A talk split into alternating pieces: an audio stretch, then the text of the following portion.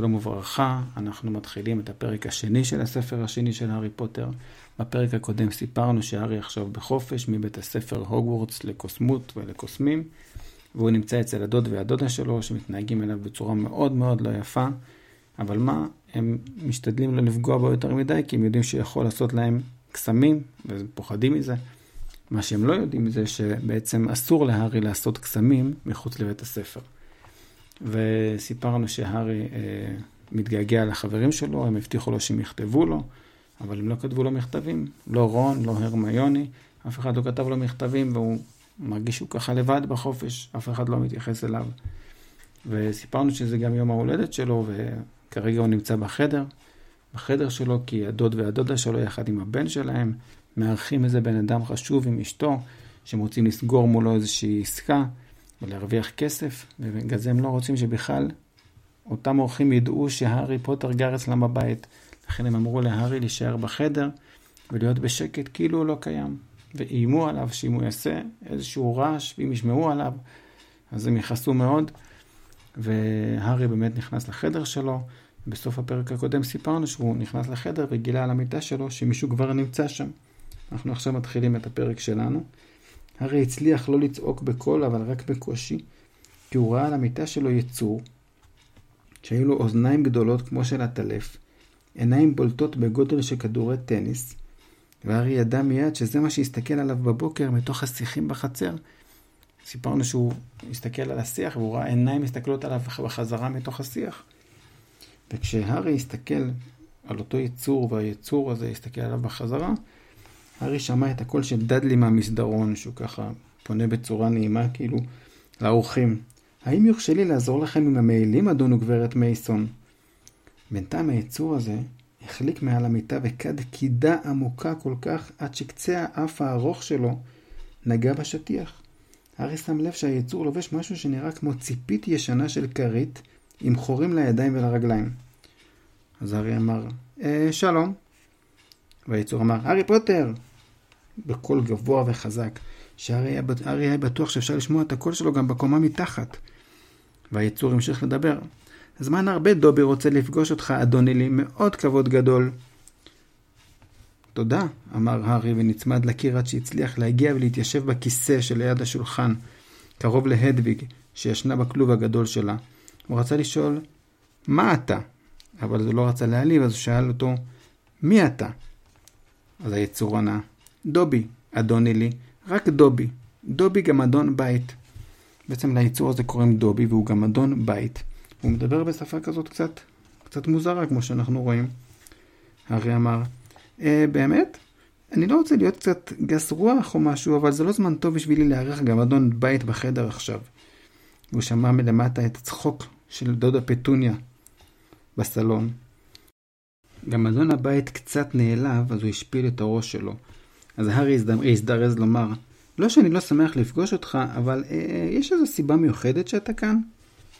דובי ענה ברצינות, אה, כן, אדוני לי. דובי בא להגיד לך, אדוני לי. זה קשה, אדוני לי. דובי חושב איך להתחיל. הארי אמר, קודם כל שב, על המיטה. ופתאום הגמדון פרץ בבכי, בכי ממש קולני. הארי רוצה שיהיה שקט, לא רוצה שישמעו אותו. והגמדון, תוך כדי שהוא בוכה, הוא אמר, שב, מעולם, מעולם עולם לא. ארי חשב שהוא שמע שלמטה נהיה קצת שקט, כאילו הם מקשיבים למשהו, שמה בסלון. והארי אמר, אני מצטער, לא התכוונתי לפגוע בך או משהו כזה. הגמדון המשיך לבכות ואמר, לפגוע בי, דובי, דובי מעולם מעולם לא הוזמן לשבת עם קוסם, כמו שווה. בעצם הוא התרגש מזה שהזמינו אותו לשבת על המיטה.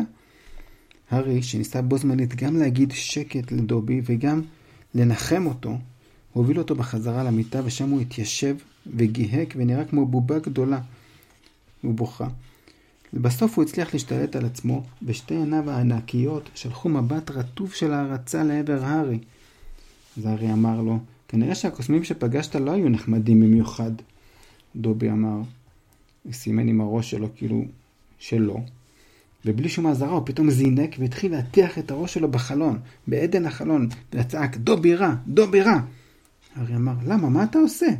הוא משך את דובי בחזרה למיטה, הדוויג התנשמת התעוררה וצווחה בקול, והתחילה לחבוט בפראות עם הכנפיים שלה בסורגים של הכלוב. והארי ממש רוצה שהכל יהיה שקט.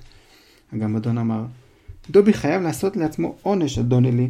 דובי כמעט אמר דברים רעים על המשפחה שלו, אדוני לי. הרי ש...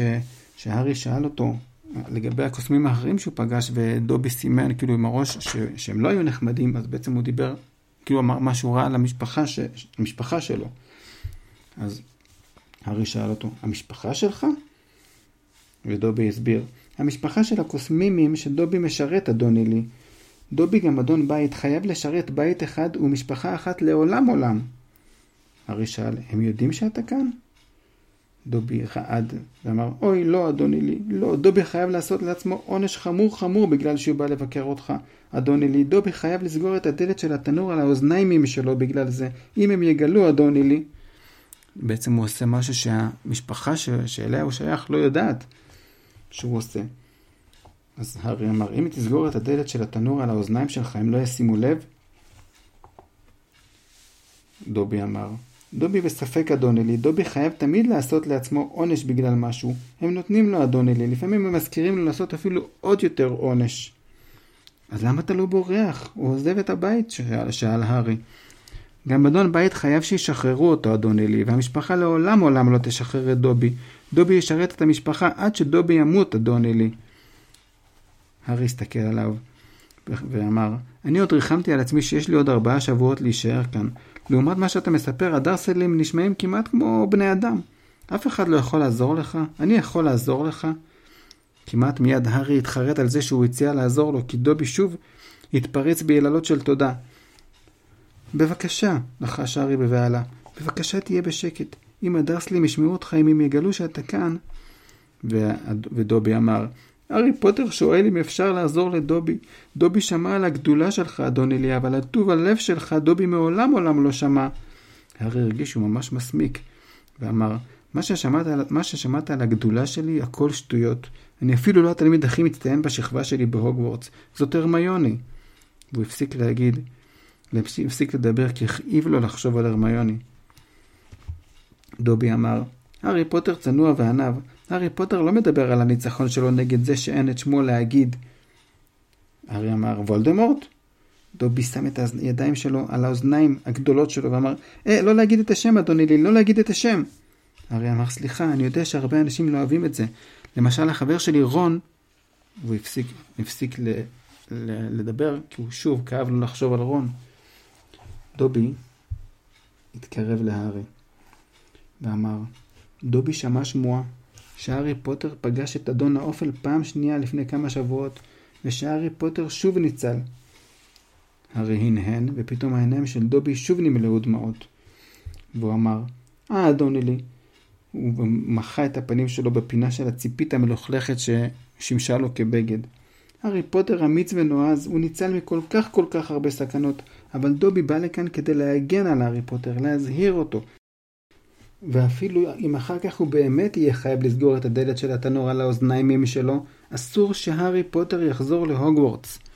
בעצם דובי מש, מש, מסכן את עצמו ועושה משהו שאסור לו לעשות, כדי להזהיר את הארי לא להגיע להוג, להוגוורטס.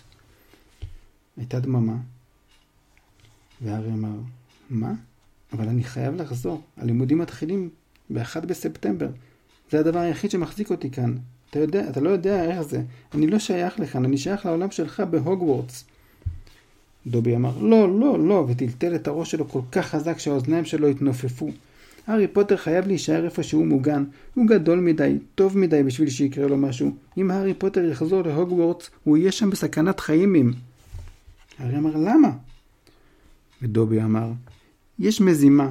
הארי פוטר מזימה בשביל לעשות דברים נוראים רעים שיקרו השנה בבית הספר הוגוורטס לכישוף ולקוסמות. דובי יודע על זה כבר כמה חודשים עם אדון אלי. אסור שהארי פוטר יהיה בסכנה, הוא חשוב מדי, אדון אלי. הארי אמר, איזה דברים נוראים? מי זומם? דובי פלט חרחור מוזר ושוב הטיח את הראש שלו בפראות על הקיר. הארי הבין שאסור לו להגיד את מה שהוא יודע. הארי אמר, טוב, טוב, אסור לך להגיד אני מבין, אבל למה אתה מזהיר אותי? ואז פתאום הארי אמר, רק רגע, זה קשור איכשהו לבול, אה, סליחה, לאתה יודע מי? אתה יכול רק לעשות כן או לא עם הראש, הוא הוסיף מהר, כי הראש של דובי שוב היה נראה שהוא הולך עוד פעם לדפוק את הראש בקיר. לאט לאט דובי הניד בראשו לשלילה. לא, לא זה שאין את שמו להגיד אדון נילי. אבל העיניים של דובי היו פעורות, והיה נראה שהוא מנסה לרמוז להארי משהו. אבל הארי עדיין לא הבין. יכול להיות שיש לו אח? שאל הארי. דובי שוב הניד בראשו בשלילה, והעיניים שלו היו פעורות מתמיד. אז הארי אמר, טוב, נו, חוץ ממנו אני לא מצליח לדמיין מי עוד מסוגל לגרום שיקרו דברים איומים בהוגוורטס. כלומר, יש שם את דמבלדור בין היתר, אתה יודע מי זה דמבלדור, נכון? דובי אמר, אלבוס דמבלדור הוא המנהל הכי טוב שהיה בהוגוורטס מעולם עולם. דובי יודע, אדוני לי.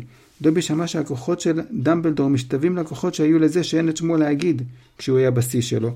אבל אדוני לי, יש כוחות של דמבלדור, כוחות שאף קוסם טוב לא... אבל שוב, לפני שהארי הספיק לעצור אותו, דובי זינק מהמיטה, תפס את המנורה משולחן הכתיבה של הארי והתחיל לחבוט בה על הראש שלו, בצעקות. פתאום הייתה דממה בקומה למטה. תוך שתי שניות הארי שמע את הדוד ורנון עולה למסדרון וקורא דדלי בטח עוד פעם השאיר את הטלוויזיה שלו דלוקה, השובב הקטן. הארי נבהל. אמר לדובי, כנס מהר לתוך הארון. דחף אותו פנימה, סגר את הדלת וזינק למיטה בדיוק כשהידית של הדלת הסתובבה. מה לכל הרוחות אתה עושה? סינן אדון ורנון מבין השיניים, מבין השיניים שלו. הפנים שלו היו ממש קרובות לפנים של הארי. הרגע הרסת את השורה האחרונה של הבדיחה שלי. אם תוציא עוד פיפס אחד, ילד, אתה תצטער שבכלל נולדת. הוא יצא מהחדר רוקע ברגליו. ואז הארי שחרר את דובי מהארון, ואמר, אתה רואה מה קורה כאן? אתה רואה למה אני חייב לחזור להוגוורטס? זה המקום היחיד שבו יש לי אה, אה, טוב, מקום שבו חשבתי שיש לי חברים. ואז דובי אמר בערמומיות, חברים שאפילו לא כותבים לארי פוטר מכתבים עם? ארי אמר, אני בטוח שהם פשוט, אני מניח שהם פשוט היו עסוק... אה, רק שנייה, איך אתה יודע שהחברים שלי לא כתבו לי? דובי נדנד את הרגליים שלו.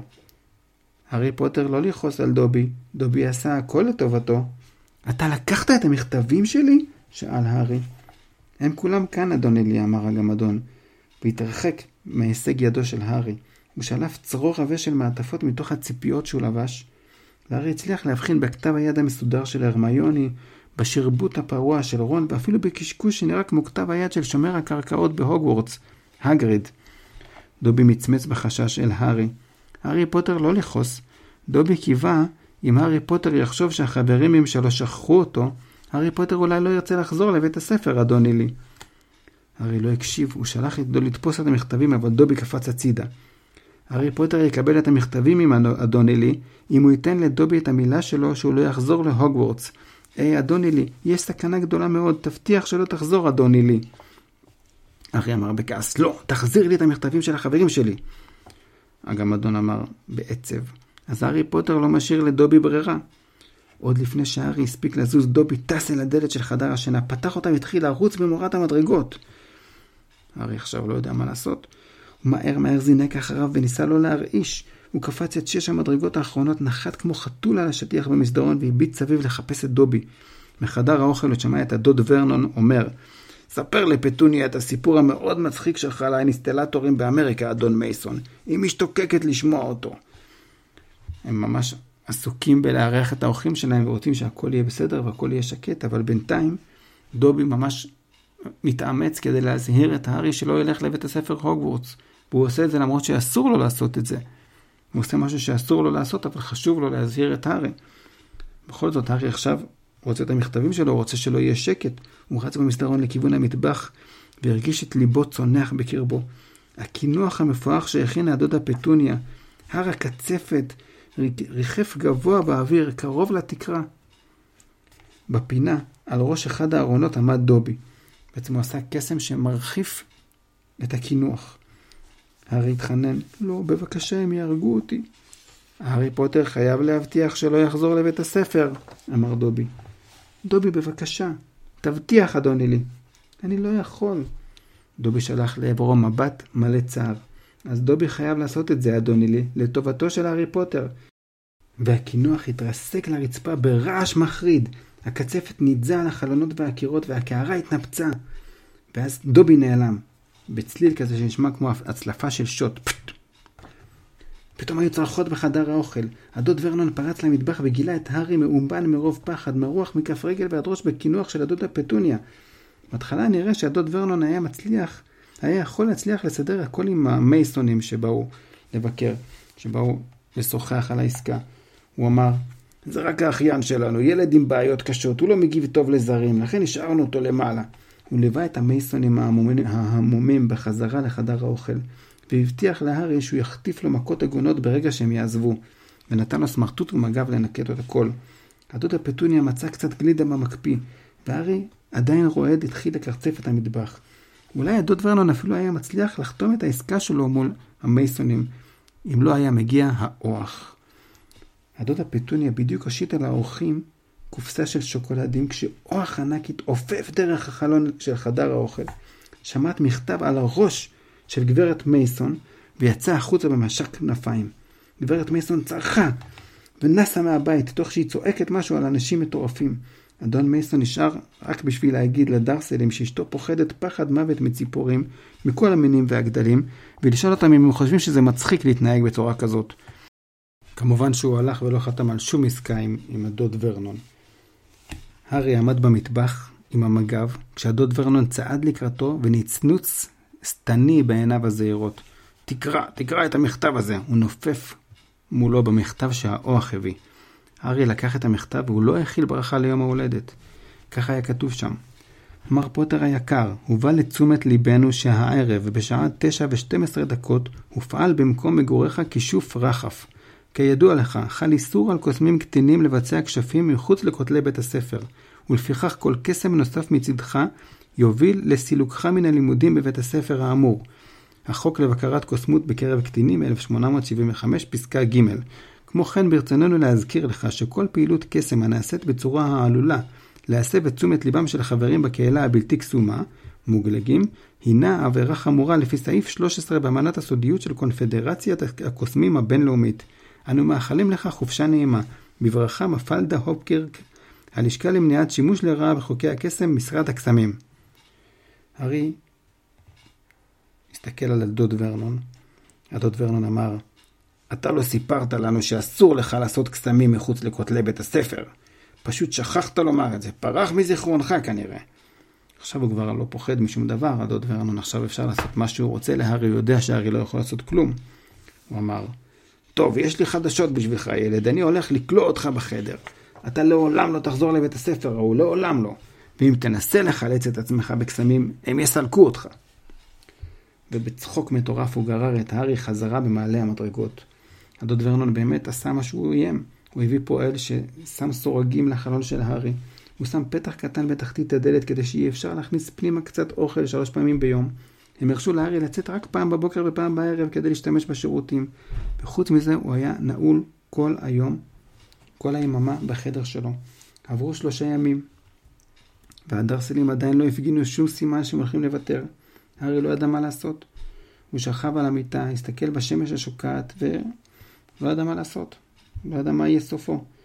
הוא לא יכול לשחרר את עצמו בעזרת קסמים מהחדר, כי אחרי זה יסלקו אותו מהוגוורטס.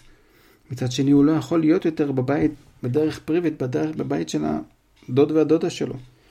עכשיו, כשהדרסלים ידעו שאין שום סכנה שהם יתעוררו בבוקר ויגלו שהוא עשה להם איזשהו קסם, הוא איבד את הנשק היחיד שהיה לו. דובי אולי הציל את הארי ממשהו מאוד מאוד מסוכן שיכול לקרות בהוגוורטס, אבל המצב הנוכחי לא היה הרבה יותר טוב. הפתח הקטן שבדלת נפתח, היד של הדודה פטוניה הופיעה והכניסה לחדר קערה של מרק מפחית שימורים. הארי היה ממש ממש רעב. הוא קפץ מהמיטה והתנפל על המרק, למרות שהוא בכלל לא היה טעים והוא היה קר. הוא סיים חצי בלגימה אחת, ואת החצי השני הוא נתן להדוויג, ונתן לה לאכול. גם היא לא רצתה כל כך לאכול את זה, אבל אין הרבה ברירה. הארי עדיין הרגיש רעב, וחשב לעצמו, אם הוא עדיין יישאר בחיים בעוד ארבעה שבועות ולא יגבה ברעב, מה יקרה אם הוא לא יופיע בהוגוורטס? אולי הם ישלחו משם מישהו לראות מדוע הוא לא חזר? אולי הם יוכלו להכריח את הדרסלים לשחרר אותו? החדר התחיל להחריש.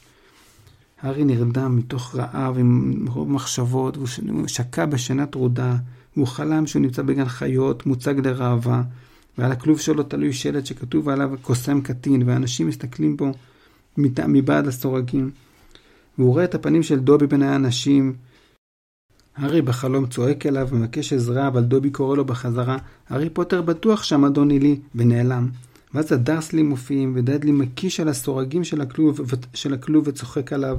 והרי אמר, די כבר, די כבר, תעזוב אותי, תן לי לישון. ופתאום הוא מבין שהוא כבר מתעורר מהחלון, פותח את העיניים, אור הירח זורח לתוך החדר, ומישהו באמת בהה בו מבעד הסורגים. מישהו עם פרצוף מנומש, שיער ג'ינג'י ואף ארוך. רון ויסלי היה בחלון. עד כאן הפרק להיום.